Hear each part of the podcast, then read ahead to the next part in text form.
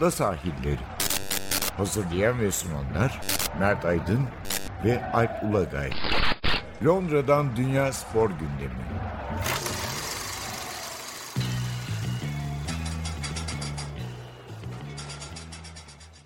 Ada sahillerinden merhabalar. Ben Alp Ulagay.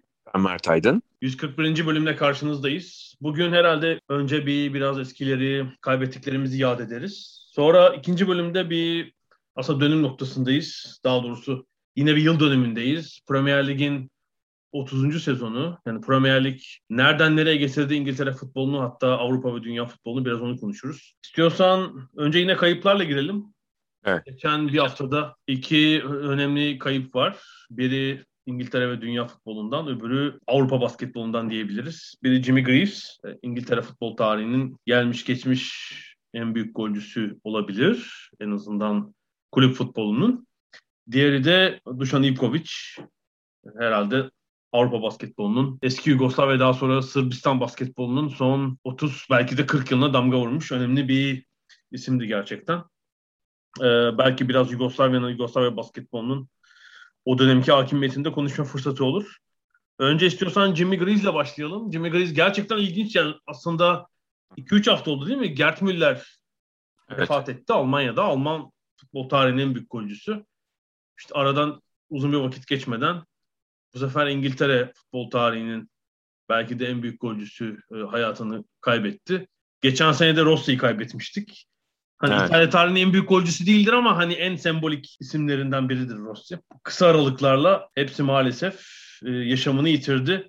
Jimmy Greaves tabii 6 yıldır pek iyi değildi. Yani 2015'te geçirdiği felçten sonra zaten pek ortalıkta gözükmüyor. Çünkü aynı zamanda medyatik bir kişilik yani konuşmayı, röportaj vermeyi, görünmeyi, özellikle televizyonculuğu sayesinde bunları seven bir kişilik. Bir de herhalde 78 ya da 79 otobiyografisini yazıp ilk defa alkolizm sorunundan bahseden bir futbolcu olmuş.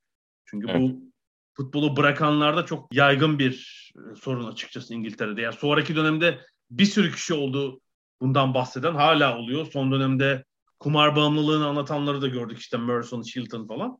Ama 40 yıl önce belki bu itirafı yapmak pek kolay değildi. Greaves bunu da yapmış. İstiyorsan sen de sık sık yazarsın şu her oynadığı kulüpte ilk maçta gol atma gibi özelliği var kulüp veya takımda değil mi? Doğru doğru. Milli takımda dahil olmak üzere bu çok önemli bir özellik ki hani Milan'da mesela çok başarılı olduğunu söyleyemeyiz Greaves'in e, yurt dışı e, şeyinde, deneyiminde ama orada bile e, ilk maçında gol atmış Jimmy Greaves. E, hakikaten önemli bir karakter ama senin de altını çizdiğin gibi bütün bunların üstüne özellikle e, 80'li yıllarda e, İngiliz televizyonlarının e, en çok hani ne diyeceğim merak edilen yorumcusu. Yani düne bunu ekleyebilen kişi sayısı çok fazla yok. E, 80'li yılların e, en büyük ismi de Jimmy Greaves. Hatta e, 80'lerde sen hatırlarsın işte Shoot, Match. dergiler, Match gibi dergiler vardı. Orada da yorum yapardı. Yani orada da onun bir e, hangisinde olduğunu hatırlamıyorum. Shoot'ta mı Match'te mi ama hani Jimmy Greaves'in bir, hangi bir konuyla ilgili ne dediği önemli bir şeydi.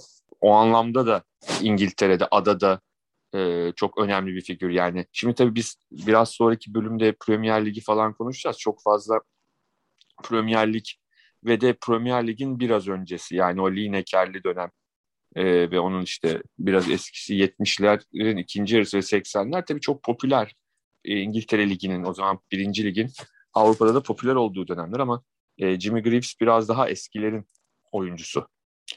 Ve de üstüne e, aslında belki Jimmy Greaves'i İngiltere dışında hak ettiği kadar tanınmamasının en büyük nedeni 66 Dünya Kupası'nda normalde ilk 11 maçlara başladığı kupanın ilerleyen bölümlerinde e, Jeff Hurst'ün onun yerine oynayıp e, kupanın kahramanı olması. Yani aslında Jimmy Greaves'in o kahraman olması beklenirken Jeff Hurst sonuçta bu e, unvanı alıyor ve e, ondan dolayı da Jimmy Greaves İngiltere'de çok çok tanınan bir e, şahsiyetken yani Avrupa futbolunu takip edenlerin günümüzde çok fazla da adını duymadıkları bir isim. Onda altını çizmek lazım. Yani uluslararası tanınırlığı biraz zayıf çünkü İngiltere milli takımında da aslında 57 maçta 44 gol gibi yüksek bir gol ortalaması var. Çok yüksek. Herhalde daha üstüne çıkan bir galiba Ned Lofthouse var. Yani ondan da önceki kuşaktan. Ama büyük bölümü tabii özel maçlarda gelmiş bunun. Bu 44 golün. E, 62 Dünya Kupası'nda da var herhalde ama orada İngiltere başarısız. 66'da grup maçlarında oynuyor. O herkes için herhalde biraz şanssız geçen Fransa maçında sakatlanınca da bir daha kadroya dönememiş. Çünkü Hurst çeyrek finalde gol atıyor. Elf Ramsey de bir daha onu kadrodan çıkarmamış. Finalde de hani belki ikisini birlikte oynatmayı da düşünmedi. Herhalde Greaves'in içinde bir ukde olarak kalmıştır. Çünkü biliyorsun o zamanki kurallara göre oyuncu değişikliği yok. Tabii. Onlarca yıl akıl edilememiş bir şey. oyuncu değişikliği. Futbolun e, garip eski kurallarından biri. Ve daha da kötüsü o zaman sadece final maçında oynayan 11'e madalya veriliyor. Yedek oyuncular madalya da almıyorlar. Sanıyorum 40 yıl sonra falan madalyalarını aldılar kadrodaki diğer 11 oyuncu. Akıl evet. gibi değil yani. Şimdi çünkü biliyorsun sadece oyuncular değil o kupada görev almış işte 23 oyuncu hatta bu Avrupa Şampiyonası'na kaçtı? 20, 25 miydi? 25 oyuncu e, bütün staff yani 50 kişiye madalya veriliyor orada neredeyse. UEFA'nın listesi kaç kişi bilmiyorum. İşte 66'da yedek oyunculara bile madalya verilmiyor. Herhalde sadece Griez'i değil diğer yedek kalan oyuncuları da biraz üzmüştür açıkçası. Doğru doğru ee, ama çok renkli bir karakter. Ee, zaten o kırmızı yanaklarından alkol sorunu için kitap yazmasına gerek yok. Bilir ee, bir durum işin şakası. Ama e, dediğim gibi İngiltere'de çok büyük ses getirdi e, hayatını kaybedişi. Çünkü dediğim gibi burada bir tarihi karakter. İngiltere lig tarihinin en çok gol atan oyuncusundan bahsediyoruz. Yani çünkü biz hani hep golcü deyince Alan Shearer bizim aklımızdaki isim. Ama Jimmy Greaves e, hepsinin öncülü diyelim. Evet yani 357 golü var galiba İngiltere 1. Liginde. Zaten sadece en üst ligde oynamış. Bu birincilik ve Premier Lig tarihinin yani 1888'den bu yanaki tarihin rekor ama bütün alt, alt ligleri kattığında da ondan fazla gol atabilen bir oyuncu yok profesyonel tarihte. Yani yakın olanlar da en yakın olanlar da zaten İkinci Dünya Savaşı'ndan önce oynamış kuşak işte Dixie Dean falan gibi yani. Neredeyse 100 yıl önce de kalmış oyuncular. E, yani modern dönemde ona en fazla yaklaşmış oyuncu yine Alan Shearer. E, eski e, First Division ve Premier League'de galiba 283 golü var. Yani 70 küsür gol de fark var aralarında. Bütün evet. Shearer'ın o kariyerine rağmen ciddi bir fark. Pek herhalde yani İngiltere futbolunda böyle Messi, Ronaldo gibi bir oyuncu çıkmazsa pek ulaşabilecek bir rakam gibi durmuyor açıkçası. 350. Bütün kariyerini Premier Lig'e adasaydı. E, belki işte anca öyle olabilir. Çok uzun yani böyle bir 17-18 yıllık çok verimli bir kariyerle olabilecek bir şey bugünün futbolunda ancak. Ancak bilmiyorum şey hiç izledin mi? Ian St. John'la yaptıkları ITV programının hiç bölümü izledim. Ben sonra YouTube'da e, birkaç bölüme baktı. Daha önce bakmıştım yani meraktan. Gerçekten çok komikler. Evet, evet. Herhalde BBC Spor Angel'ına alışmış İngiltere'de. Onlar çünkü ITV'deler. Rakip evet. kanaldalar. Bir muhtemelen çığır açmışlardır. Çünkü meslekten bir sunucu da yok onların programında. Evet. Ian St. John biraz hani host gibi. Ama daha sonra görevler eşit paylaşılmış. Baya işte bir telefonla birine bağlandıklarında, yayında bir konuk olduğunda falan ikisi birden yürütüyorlar programı. Çok da işte e, eğlenceli bir program gerçekten. Ne diyelim toprağı bol olsun. Buradan da basketbola geçelim. Basketbolda da önemli bir kayıp var. Dušan Ivković o da geçen hafta vefat etti.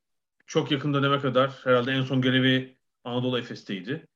Evet. Koçluk yapan bir isim. Yugoslavya ve Avrupa basketbolunun son 40 yılına damga vurmuş önemli bir isim. Sanıyorum Partizan'la bir ilk şampiyonluğu var. 70'lerin sonunda herhalde 40 yılı da geçmiş. Ama asıl benim aklımda kalan bu 80'lerin sonu 90'ların başındaki Yugoslavya'nın parçalanmadan önceki Yugoslavya'nın Avrupa ve dünya basketboluna kurduğu hakimiyetti doğrusu. O 86-87 hatırlarsın böyle bir şanssız şekilde kaçırdıkları altınlar vardı onların. 86 Dünya evet. Şampiyonası'ndaki o bir deli yarı final vardır Sovyetler evet. Birliği ile. O, ma- o maç e, hani unutulabilecek bir karşılaşma değil. E, kulakları çınlasın e, bence Türk hani televizyonculuk tarihinin en önemli basketbol spikerlerinden biriydi. Genç kuşak pek tanımaz. Ertan Yüce'nin anlatımıyla e, o Sovyetler Birliği maçı son bir buçuk dakikasına Yugoslavya'nın 9 sayı önde girdiği ama Sovyetlerin üçlüklerle maçı berabere bitirip uzatmada Yugoslavya'yı yendiği yarı final maçı Dünya Şampiyonası'nda. Ama o takım e, işte 90'da Dünya Şampiyonu, 91'de en son olarak Avrupa Şampiyonu oldu.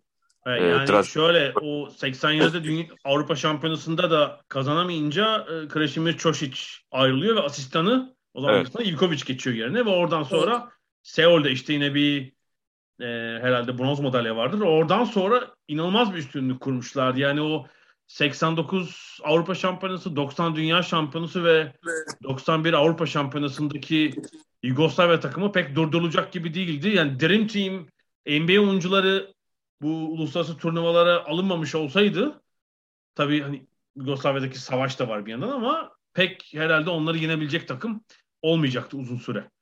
Ee, eze eze kazanıyorlardı. Hani sadece grup maçlarını değil final maçlarında da böyle 15-20 sayı farklar bayağı smaç şovlar hatırlıyorum.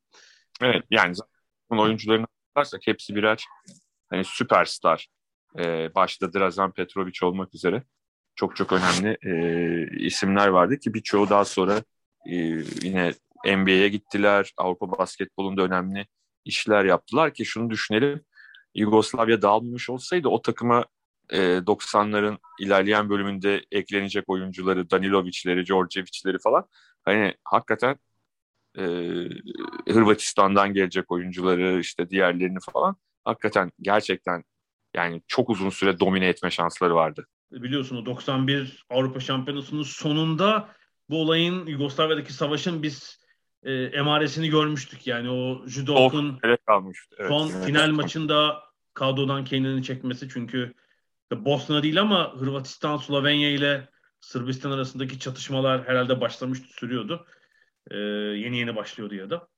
İlk işaretleri orada görmüştük. Ee, sonra da 92-93 ve 94'te zaten boykotluydu Yugoslavya. Yani daha doğrusu Sırbistan kısmı diyelim. Tabii Hırvatistan vardı olimpiyat evet, 92'de e... yeni bir ülke olarak final evet. oynadılar.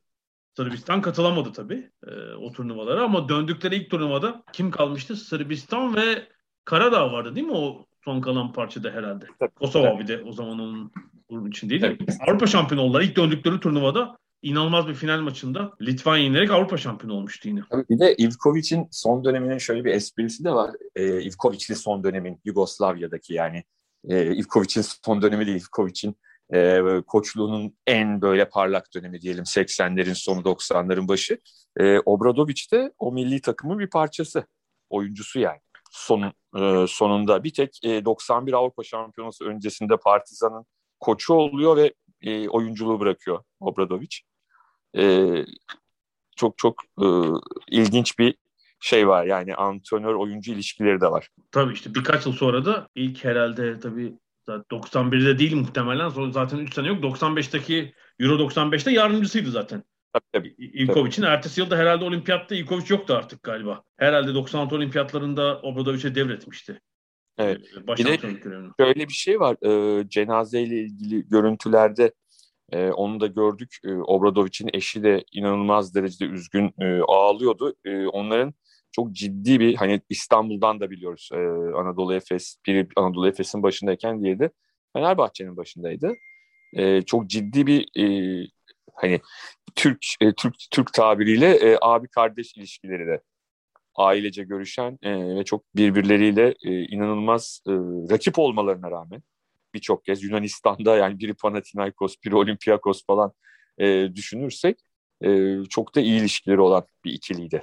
Evet yani aslında bayağı ayrı kuşaktan aslında antrenör olmaları lazım. O Obradoviç tabii çok geç yaşta bu işe soyunduğu ve hemen de çok başarılı olduğu için bir anda rakip oldu. Yani oyunculuktan rakip antrenöre geçişleri çok hızlı oldu. Yoksa 17 yaş farkları var yani. Bayağı evet. ayrı kuşaktan antrenörler olmaları gerek ama antrenörlük kariyerlerinin uzun bir bölümü tabii karşılıklı benchlerde geçti açıkçası. Ya şu var aslında hani şimdi bir basketbol uzmanı değiliz yani ben de değilim çok iddialı konuşmam ben hani Ivkovic deyince buna Ivkovic gibi Obradovic'i de katabiliriz. Belki birkaç e, önemli koçu daha katabiliriz tarihten. e, çok kısa sürede çok pratik çözümler üretebilen adamlar bunlar. Yani hani hiç e, ya buradan da bu iş olmaz dediğin anda e, inanılmaz bir cinlikle, inanılmaz bir e, set çizerek e, maçın son saniyelerinde maçları çeviren, çevirme noktasına gelen e, koçlardan bir tanesiydi.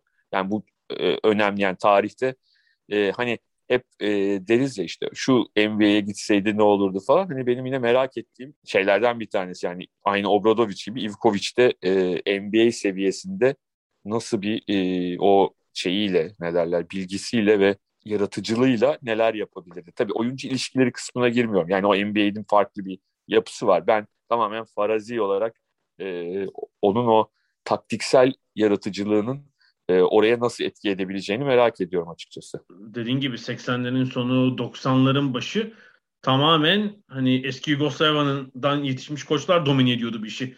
Bir de Božidar Malikovic vardı. İşte zaten evet. Euroligi paylaşıyorlardı. Bir sezon biri, bir sezon biri. İşte herhalde 91 Malikovic, 92 Obradovic, 93 tekrar Malikovic. Öyle gidiyordu iş yani. Aralarında paylaşıyorlardı gerçekten. Badeli atlattı ülke. Aynı seviyede koçlar gelmesi de kolay değil böyle bir kuşak bir daha. Aslında ilginç e, hani o kuşak enteresan bir şekilde Yunanistan'da asistanlar yetiştirip farklı farklı isimleri de ortaya attılar yani Yunanistan'dan çıktı birçok enteresan koç. İşte 80'lerin sonu 90, o 1990 Yugoslavya'sı diyelim. Önemli bir oyuncu grubu var. Ama oradan böyle önemli koç çıktı mı işte Djordjevic var şimdi. Hani çalışan ama Djordjevic başarılı bir koç değil açıkçası. Şu ana kadar öyle bir kariyer yapamadı. Yani evet, gittik. yani oradakilerin ama diğerleri de çok koç olmadılar zaten. Yani çok o topa girmediler. Bir tek e, o takımın, o Yugoslav takımının 80'lerin ortasındakinde bölümünde yer alan, sonlarda yer almayan e, Drazan'ın abisi Alexander. Hani koç olarak e, bir süre üst düzey Euroleague seviyesinde koçluk yaptı. Milli takım koçluğu yaptı. Hani diğer oyunculara bakıyorum. Hani e, diğer oyuncuların birçoğu zaten hani koçluğu seçmediler. Kimi yönetici oldu. Zdok seçti. O ülkemize de geldi zaten. Evet o var. Evet. Yaptı ama Divac yönetici, Raja yönetici değil mi? Kukoc evet. koçluk yapmadı herhalde. Hatırlamıyorum. Perasovic var işte Türkiye'de çalışan yine. Hayır, Perasovic var evet. Yani hani ilk beş oyuncusu değil ama. Üst ama yani yani kendi onları yöneten koçlarla kıyaslanabilecek bir kariyer yok hiçbirinde. Tabii. Onu söyleyebiliriz.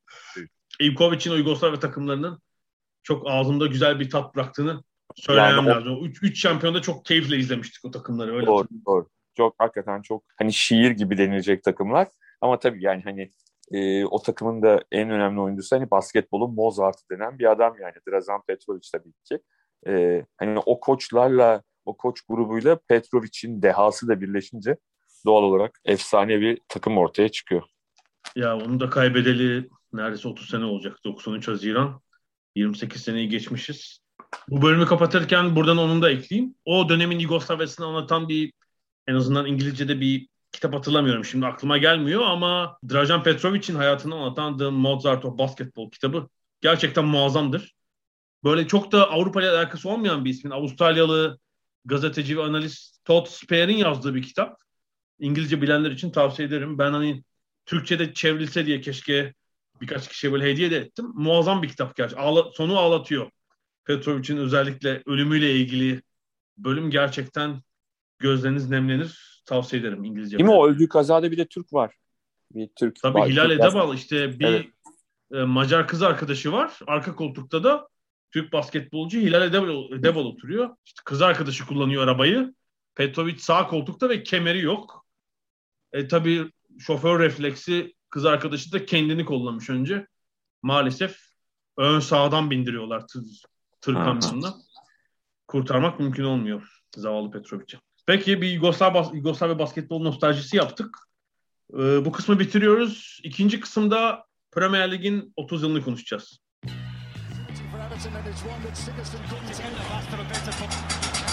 Ada sahilleri. Londra'dan Dünya Spor Gündemi.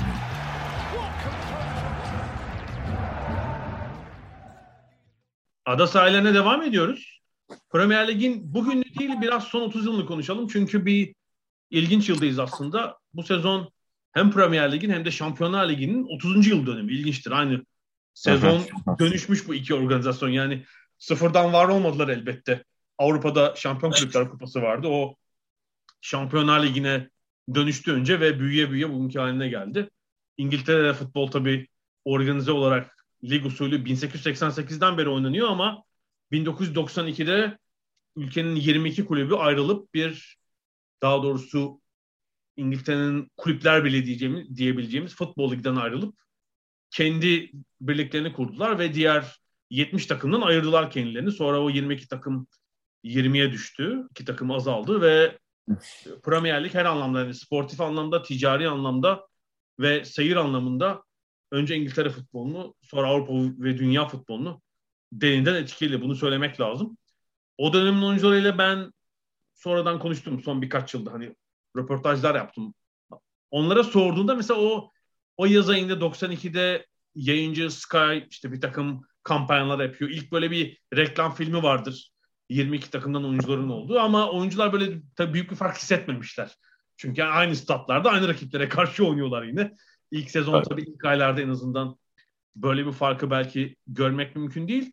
Ee, ama zaman içinde krizdeki İngiltere futbolu e, yavaş yavaş o krizden çıktığı gibi işte bir 20 yıllık süreçte belki e, Avrupa'nın en büyük ligi haline, en zengin ligi haline geldi. Tabii sportif olarak da belki birkaç dönüm noktası var. Yani Bosman kararları çok ciddi. Evet. Yani sadece Premier Lig'in kurulması değil, Avrupa'da futbolcu transferinin daha doğrusu sözleşmesi biten oyuncuların serbest dolaşımı özellikle AB üyesi ülkeler oyuncuları için Premier Lig'inde akıbetini biraz değiştirdi açıkçası. Ne dersin? İngilizler kendi gelirlerini de Premier Lig sayesinde çok iyi arttırdılar. Yani e, sonuçta Bosman kurallarının çıkışından sonraki 10 yıla baktığında İngiltere Ligi değil İtalya Ligi birinci sırada. E, çünkü para e, İtalya Ligi'nde de var. E, işte kulüp sahipleri inanılmaz paralar enjekte ediyorlar ama İngiltere'deki gibi sistemli bir gelir artışı değil, kişilere bağlı bir sistem var İtalya'da. E, kulüpler, o sahipler ayrıldıkça, iflas ettikçe İtalya Ligi e, başka nedenleri de var tabii ki ama ekonomik olarak çöktü.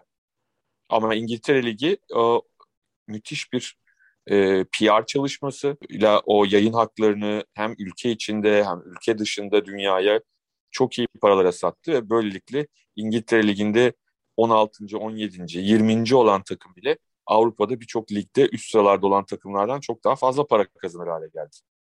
Tabii Bu bunu da, sağlayan faktörlerden biri işte o 90'ları 80'lerin sonu 90'ların başı Türkiye'de de biz biraz aslında onun etkisini görüyorduk. Bu Magic Magic Box in, Interstar evet. mıydı? Neydi o ilk evet. kurulduğunda Star'ın ismi? Star 1. yılında Star 1. Sonra ayrılınca Interstar oldular. Interstar. Yani bu Avrupa'da da e, özel yayıncılığın, paralı yayıncılığın, uydu yayıncılığının gelişmesi tamamen bir yeni alan açtı. Çünkü ondan önce biliyorsun lig maçları hemen hemen yayınlanmıyor. İngiltere'de lig maçları yayını yok 89'a kadar. Yani FA Cup maçları yayınlanıyor. Ee, evet. Avrupa Kupası maçları yayınlanıyor. Milli maçlar ama lig maçı yayınlanmıyor. Bir para yok. Çünkü kanallı yani medyalar arasında bir rekabet yok tabii. E, ikincisi de takımlar şey diyor hani rakiplerimiz bizi izler, oyunumuzu çözer, biz istemiyoruz maçlar yayınlansın. Şimdi çok saçma gelen bir gerekçe değil mi? Yani ona da denemek falan dersin ama o zaman öyle. Bundan 35-40 sene önce. Rupert Murdoch Sky televizyonunu kuruyor ve 92'de ve ilk 5 yıl için yayın ihalesini 300 milyon pound ödüyor o zamanki parayla. Yani sezonluk 60 milyon falan eder. Hı hı. E, şimdi bunun e, herhalde bir sezon için çok daha fazlası. Ama o zaman bir yenilik yani kulüplere yeni bir gelir kapısı. Bu kulüplerin önce statlarını yenilemelerini sağlıyor. Herkes stadını büyütüyor, yeniliyor. Sonra elbette transfere iyi oyunculara ayrılan para var. E, İngiliz Premier Lig'in dönüşümü başlıyor açıkçası oradan sonra ve Manchester United'da herhalde bunun öncüsü kulüplerden biri o zaman. Öyle diyebiliriz muhtemelen. Doğru ve e, hani e, birinci ligin son 5 yılında 5 e, 5 yılında e, şampiyonluk göremeyen daha önceden de göremiyor da e, Ferguson şampiyonluk göremeyen Alex Ferguson şeyde ilk Premier Lig'in ilk sezonunun şampiyonu oluyor Manchester United'la. Doğru transferlerle. Ve en önemlisi birinci ligin son şampiyonu Leeds'in yıldızını transfer ederek Eric Cantona'yı. İlginç bir şey olmuş aslında o ilk sezon ya Premier Lig'in ilk sezonu. Manchester United'ın yavaş yavaş yük, yani göstere göstere yükselişi, Ferguson'ın istediği takımı nihayet kurması ama kilit oyuncunun da bir önceki sezonun şampiyonundan gelmesi. Ve de sezon başladıktan sonra transfer ettiler. Yani hani yazın transfer edilmiş bir oyuncu değil. Ee, ve de o, şimdi mesela işte son maçlar hep aynı saatte oynanıyor. Değil mi? Hepimiz biliyoruz gayet e, her şey düzenli. E, mesela Alex Ferguson Manchester United'ın şampiyonluğunu e, golf oynarken öğreniyor. Çünkü Aston Villa puan kaybediyor. Lig evet, bitmeden bir hafta önce falan sanırım. Ondan e, sonra... Galiba e, bitime bir ya da iki hafta kala onların bir inanılmaz Steve Bruce'un golüyle kazandıkları bir maç var. Sonra Aston Villa'nın herhalde bir hafta içi ya erken ya da erteleme maçı var. Evet. Orada puan kaybedince işte iki maç kala artık 8 puan 8 puanda kalıyor fark ve evet. şampiyonu ilan ediyorlar. 1900 kaç? 67'den sonra değil mi ilk kez? 67'den sonra evet evet. Evet ee, ve o dönem hatırlarsın hani e, Galatasaray'la da oynamaya gelmişlerdi ve şeyle e, sıkıntı yaşıyorlardı. Şimdi İngiltere bu Bosman olaylarından daha önce yabancı şeyini değiştirmişti sınırlamasını kaldırmıştı. Üstüne e, işte İskoç, e, Kuzey İrlandalı ve Galli oyuncular yabancı sayılmıyorlar İngiltere'de doğal olarak yani ülke vatandaşları. E, ama Avrupa kupalarında e, onlar yabancı sayılıyordu ve çok zorlanıyorlardı takım yaparken. Bosman kuralları o anlamda da İngilizleri rahatlattı. Yani böylelikle hani zaten ülke vatandaşı olan oyuncular yabancı sayılmaktan da kurtuldular. Orada tabii UEFA'nın herhalde arada bir kural değişikliği olmuştu. Çünkü Liverpool'un Avrupa şampiyonu takımlarında da tabii, herhalde tabii, İngiliz sayısı evet. 4 falan da orada. 4-5'tir en fazla. Oldu, kural değişikliği oldu ve o yüzden birçok oyuncuyu oynatamıyorlardı. Sıkıntı yaşıyorlardı. Tabii Galatasaray maçlarında Lee Martin'i falan ilk maçta kendi kalesine gol attı ya zaten. Normalde ilk 11, 11 oyuncusu değildi. Böyle Galatasaray'ın işine yarayan bir durum da olmuştu açıkçası. Bir tabii bu Premier Lig'in ilk sezonuyla bugün arasında en büyük farklardan biri herhalde. E, ligin hem oyuncularının hem teknik direktörlerinin hem de takım sahiplerinin yabancılar haline gelmesi. O tabii çok ilginç bir durum. Yani ilk sezona gittiğinde yani ada dışından bir teknik direktör yoktur. 1992'de. Tabii. Yani kimler var? Hani İskoçlar var. İskoç, İrlandalı. Hatta bakıyorum İrland, evet, bir İrlandalı var. Joe Kinner varmış Wimbledon'da. Bir Galli, dört İskoç. İlk sezonki teknik. Geri kalan İngiliz. Bu sezon aradan işte 29 sezon geçmiş. Şu andaki 20 teknik, teknik direktörün 14'ü yabancı. E, sadece 4 İngiliz var. E, bir Kuzey İrlandalı bir de İskoç var. 6'sı adadan. 14'ü yabancı. Üstelik o 6 adalı da genelde biliyorsun alt sıra takımlarının yani işte Burnley, Newcastle falan oraların antrenörleri yani. Evet. Üst sıralarda İngiliz antrenör görmüş işte Lampard geldi arada pek sürmedi. Kariyeri kısa sürdü zaten. Fazla kimse olmadı. Ama ada dışından yabancı futbolcu da olmazdı pek. İskoçlar olurdu. Galliler, İrlandalılar doğal olarak. İşte tek tük yani şeydeki Arsenal'daki Limpar. United Schmeichel'ı almıştı galiba. Evet. Onlar 92'de. İşte Kantona gelmiş. Hani bir Fransız ama böyle bir Fransız oyuncu bile bir egzantrik karakter yani. İngiltere'nin denizden komşusu değil mi yani en oyuncunun rahat gelebileceği yer. İşte hem oyuncu sınırlaması hem ada futbolunun böyle kendine özgü yapısı sayesinde, sayesinde yabancı futbolcu pek yoktu. Yani bugün son iki sezonda biraz tablo değişti. Ama toplam sürenin yüzde 65'ini e, yabancı oyuncular alıyor artık Premier Lig'de. Biraz yüzde 60'a galiba kaydı son iki sezon bu e, bir takım İngiliz oyuncuların parlaması, genç oyunculara fırsat verilmesiyle biraz şey var yani İngilizlere bir parça dönüş var ama e, çok ciddi bir yabancı oyuncu akını oldu tabii yani 95'ten sonra özellikle. Evet. Ve de işte onların koydukları kurallar var Avrupa Birliği olmayan ülkeler için. İşte e, milli maç sayısı son bir yılda işte maçların milli maçların şu kadarında oynamış olacak. Yoksa çok özel izinlerle ancak oyuncuların getirilebildiğinde e, belirtelim Avrupa Birliği oyuncuları dışında. E şeyde evet. belki görmüşsündür. Tugay'ın, Tugay Kerimoğlu'nun Blackburn Rovers'a transferinin 20. yıl dönümü vesilesiyle bir The Athletic'te bir yazı çıktı. Orada Tugay Kerimoğlu Şenol Güneş'le kavgalı olduğu için son bir yıl milli maçlarda oynamamış. Çalışma izni alamayacak Rangers'tan gelirken. Sonus e, bu izni verecek panelin görüşmesine bizzat girmiş ve öve öve bitiremeyip demiş bu oyuncu Premier Lig'e faydalı olacak şöyledir böyledir zorla aldırmış o izni 2001'de. Yoksa Blackburn'a gelemiyor yani Rangers'tan. Evet, evet. Evet yani çok o konuda şeyler ne derler sıkılar. Bir de şunu düşün yani özellikle Brezilyalı oyuncular eğer şey değilse ayrıca ikinci bir pasaportları yoksa İtalyan, İspanyol, Portekizli e yani şimdi Brezilya hele o dönem için söylüyorum 15-20 yıl öncesi için söylüyorum.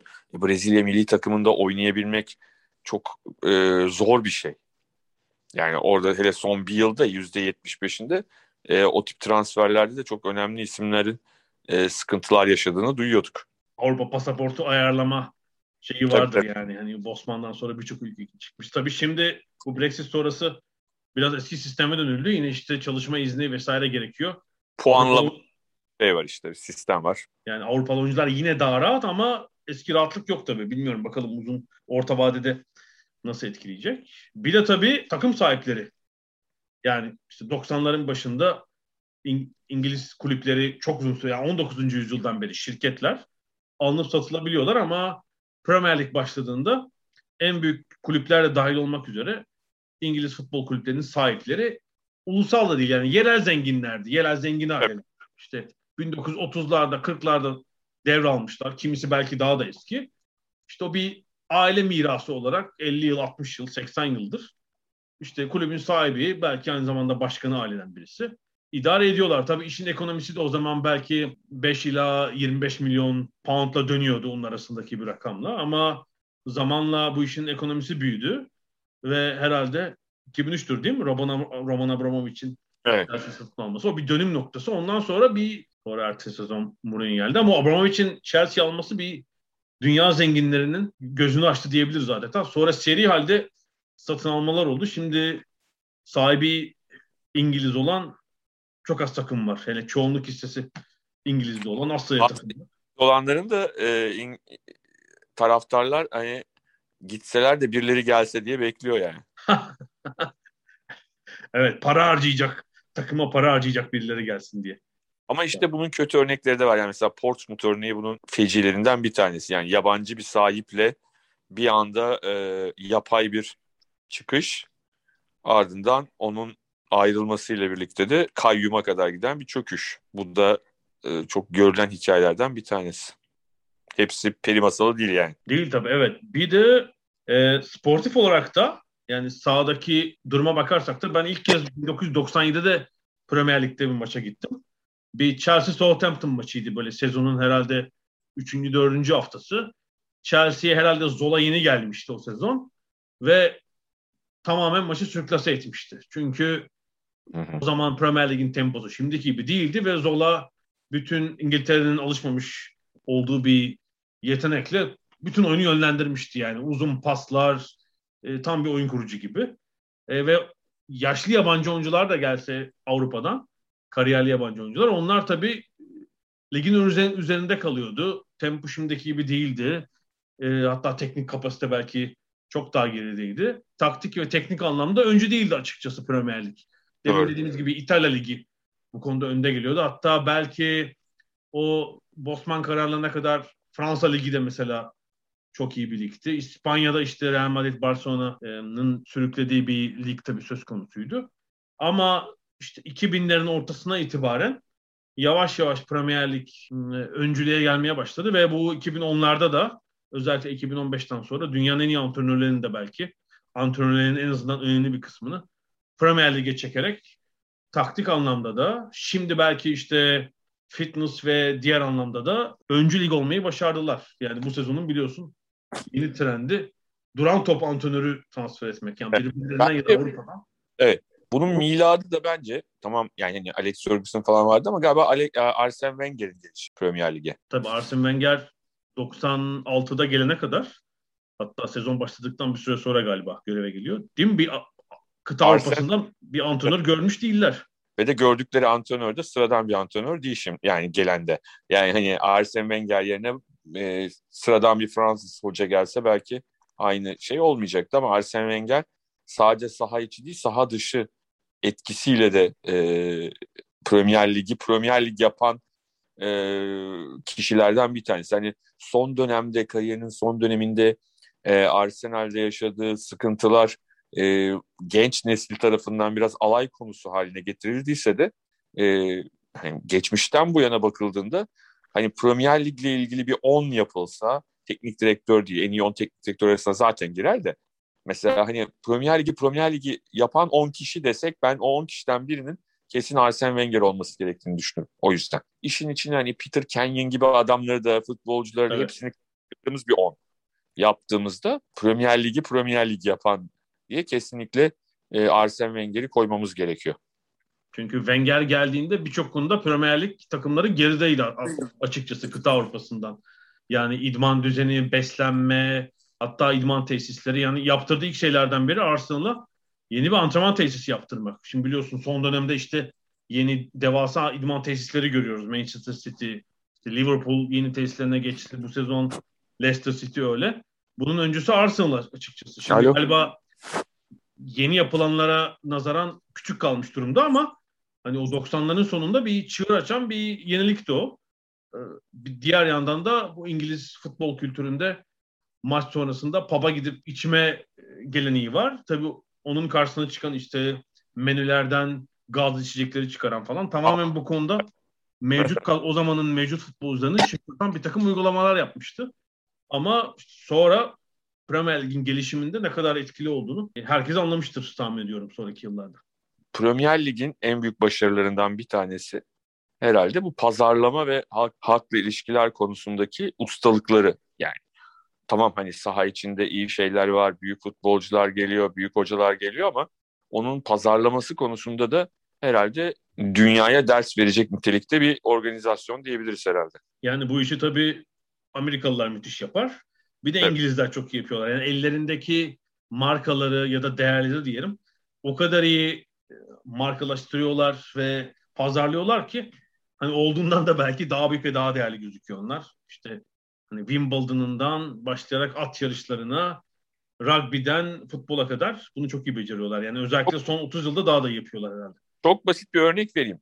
Ee, geçen yılda e, Fenerbahçe Beşiktaş maçı vardı. Ben de biliyorsun seyretmiyorum. Sağ olsun Altan Tanrıkulu ve Bozkurt Yılmaz bir programa davet ettiler. Programlarına davet ettiler beni. Ben de hani e, maçı izledim ki programa gidince konuşabileyim diye sonuçta. Maç 4-3 bitti. Hatırlarsan Beşiktaş kazandı. Sonra medyaya baktım. İşte hakem o hatayı yapmış, bu hatayı yapmış, o niye yapmış, bu niye yapmış. Ben o yayında dedim ki ya, kimin kazandığından bağımsız olarak şunu söylemek lazım. Bu maç Premier Lig'de oynanmış olsaydı isterse hakem 7 tane golde de hata yapmış olsun. O maçı öyle bir renklendirir, öyle bir e, medya sunardı ki yani herkes kaç maçı kaçırmış olanlar mah nasıl kaçırdık diye üzülürlerdi.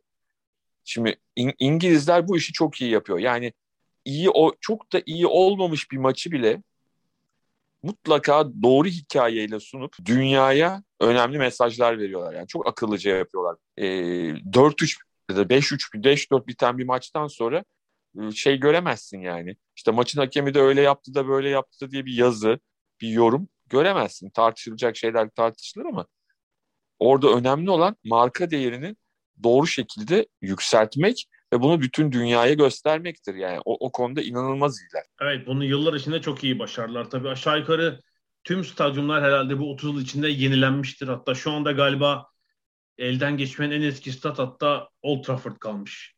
2003'ten beri galiba hiçbir yenilik yapılmamış. Bu yüzden şikayet var Manchester tarafında. Taraftarlardan. Çatı falan akıyor galiba. Bu kadar ilginç bir dönem. Yani ülkenin en büyük kulüp stadı olmasına rağmen ama yani statlardan başladılar.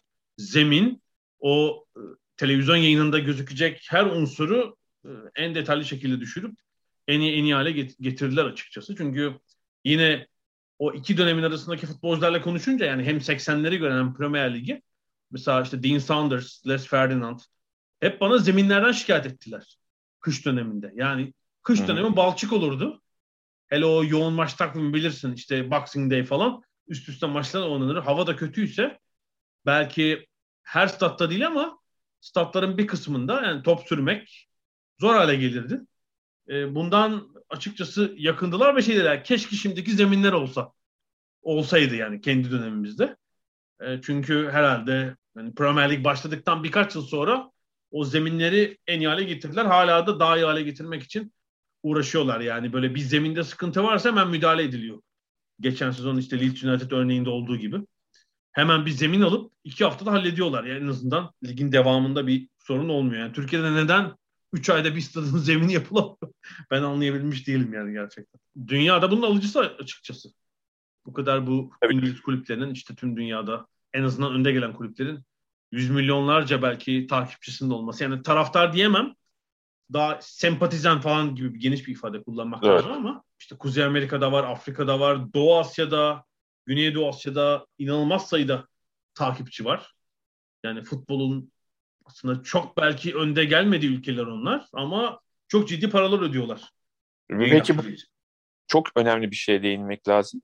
Ee, yayıncılık kalitesi de çok yüksek. Yayın kalitesi yüksek. Yani bütün bunları yaparken zeminler harika, oyuncular harika, hocalar harika derken eğer bunları televizyondan en yüksek teknolojiyle en doğru şekilde yayınlayamazsan hiçbir anlam ifade etmez. Bu konuda da çok ilerideler. Evet herhalde 90'ların başı falan Fransızlar falan daha iyiydi bu işte. Bu televizyon Tabii. çekiminde falan. Şey yayıncılık, şifreli yayıncılık Fransa'da ilginç şekilde daha önce başlamıştı. Onlar 84'te başladığı için muhtemelen öndeydi bu işte ama şimdi son herhalde 15 yılda bu işte bir de büyük sadece Sky'in değil onunla rekabet eden diğer yayıncıların da etkisiyle e, bu iş müthiş bir hale geldi gerçekten. Yani burada İngiltere'deki Premier Lig'deki daha doğrusu 380 maçında prodüksiyonu yapılıyor. Hepsi ülke içinde yayınlanmıyor ama tüm dünya yayınlanıyor tabii ve hepsi üst kalitede gerçekten. A- ayrıca sadece maçın naklen yayını değil, öncesi, arası, sonrası yorum programlarıyla bir bütün olarak düşünmek lazım. Doğru. Or- orada da gerçekten iyi işler var. Bu, bu konuda çok ciddi bir anlayışları var ve bundan da hiçbir şekilde ödün vermiyorlar. E, o yayınları hiçbir zaman sahaya biri atladığı zaman iz, e, izlemiyorsunuz. Yani e, onu Avrupa'da da yapıyorlar, diğer ülkelerde de ama yani İngilizler de o konuda çok netler. Sahaya biri atladığı zaman e, görmüyorsunuz. Televizyondan izliyorsanız. Çünkü bütün dünya izliyor ve onlar görmüyorlar. Ve onun dışında da şeyin de gelişimiyle birlikte, sosyal medyanın gelişimiyle birlikte kulüpler olarak İngiliz kulüpleri çok ciddi şekilde işte bahsettiğin taraftar tabanlarını çok iyi aktive ediyorlar. E, onlarla interaktif e, çalışmalar yapıyorlar. İşte uzak doğudaki, oradaki, buradaki e, hepsinin değişik dillerde sosyal medya mecralarında şeyleri var, hesapları var. Bunları da çok çok doğru şekilde kullanıyorlar. Şimdi durum böyle. Çok az da birkaç belki ileriye doğru projeksiyon yaparsak yani 30 yılda Avrupa'nın en büyük ligi haline geldiler açık ara gelir açısından.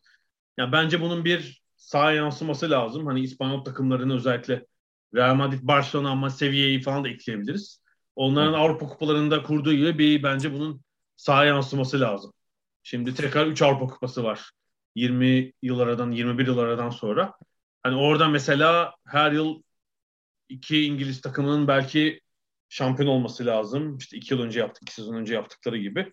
Burada bir, bir, bir aşama lazım bir kere sadece Şampiyonlar Ligi'nde değil. İlginç bulduğum nokta sadece bugün altı büyük dediğimiz takımlar değil. Tabi altta onlara katılmak isteyen, iddialı olmak isteyen, işte Şampiyonlar Ligi kovalamak isteyen bir, bir grup takım daha var. İşte Everton, Aston Villa, belki yavaş yavaş Leeds. Leicester. E, Leicester olabilir. Şimdi her mesela yeni statlar yapılıyor. Stat büyütmelerden söz ediliyor. Yani bu Leicester için de konuşuluyor şimdi 28 binden 40 bine. Everton Liverpool limanında 60 bin kişilik yeni bir stat yaptırıyor. Bir ara Wolverhampton için konuşuldu. ee, ve mevcut sezonda şu ana kadarki seyirci ortalaması 39 bin küsür. Çünkü Bournemouth gibi çok küçük bir takım da yok. İşte en küçük stada sahip takım şu anda e, Brentford. Onlar da yeni stada geçtiler. İşte 17.250 galiba oradaki kapasite. Yani bütün İngiltere en üst lig tarihinde rekoru kırılabilir. Sadece Premier Lig'in değil. Yani 40 binin eşiğindeler. İşte 1-2 büyütme yeni stat. Mesela 3-4 sezon sonra 42-43 binleri görebilir burası Almanya gibi. Hı-hı. Bu eklemelerle beraber. Yani o zaman hem zengin hem en çok seyirci çeken lig olacak. Yani iç rekabet çok fazla ama 2-3 takım daha katılırsa buraya diğer Avrupa ülkeleri için çok dezavantajlı bir durum olacak. Yani Doğru. %100. En iyi antrenörler. Şimdi mesela top antrenörü Everton'a belki çekemiyorsunuz. Kim gidiyor oraya? Benitez, Ancelotti hani kariyerinin zirvesini 10 yıl önce yapmış antrenörler ama belki 3 yıl sonra Conte gidecek mesela oraya. Falan Evet. öyle bir değişiklik de göreceğiz. Bu arada bir, bir, bir şey söyleyeceğim ya. Dilini eşek arası soksun. Ancelotti 10 yıl önce dedin adam Real Madrid'e gitti Everton'dan. Hala iyi iş buluyor tabii Ancelotti şey yapmayalım. Everton'a hatta yani kenara atıp gitti yani öyle şey değil. Bayağı satıp gitti. Yani Avrupa'daki hakimiyetleri daha da belirgin hale gelebilir. Tabii bakalım işte şimdi öyle bir çizgi yakalayabilecekler mi? Çünkü o döneme göre hani ekonomik olarak çok daha güçlüler diğer liglerle kıyaslandığında. Bir de bu Güney Avrupa'daki kriz hani hemen çözülebilecek gibi değil yani. Real Madrid'in, Juventus'un, Barcelona'nın Evet. içinde bulunduğu durum öyle bir iki sezonda atlatılamayabilir. Ada sahillerine sanıyorum sonuna geldik. Gelecek haftada biraz Şampiyonlar Ligi'nin 30. yılını konuşacağız. Premier Lig'de özellikle Manchester City için bir dönüm haftası olabilir. Önümüzdeki 10 gün. Onu biraz konuşacağız. Gelecek haftaya kadar görüşmek üzere diyorum. Hoşçakalın.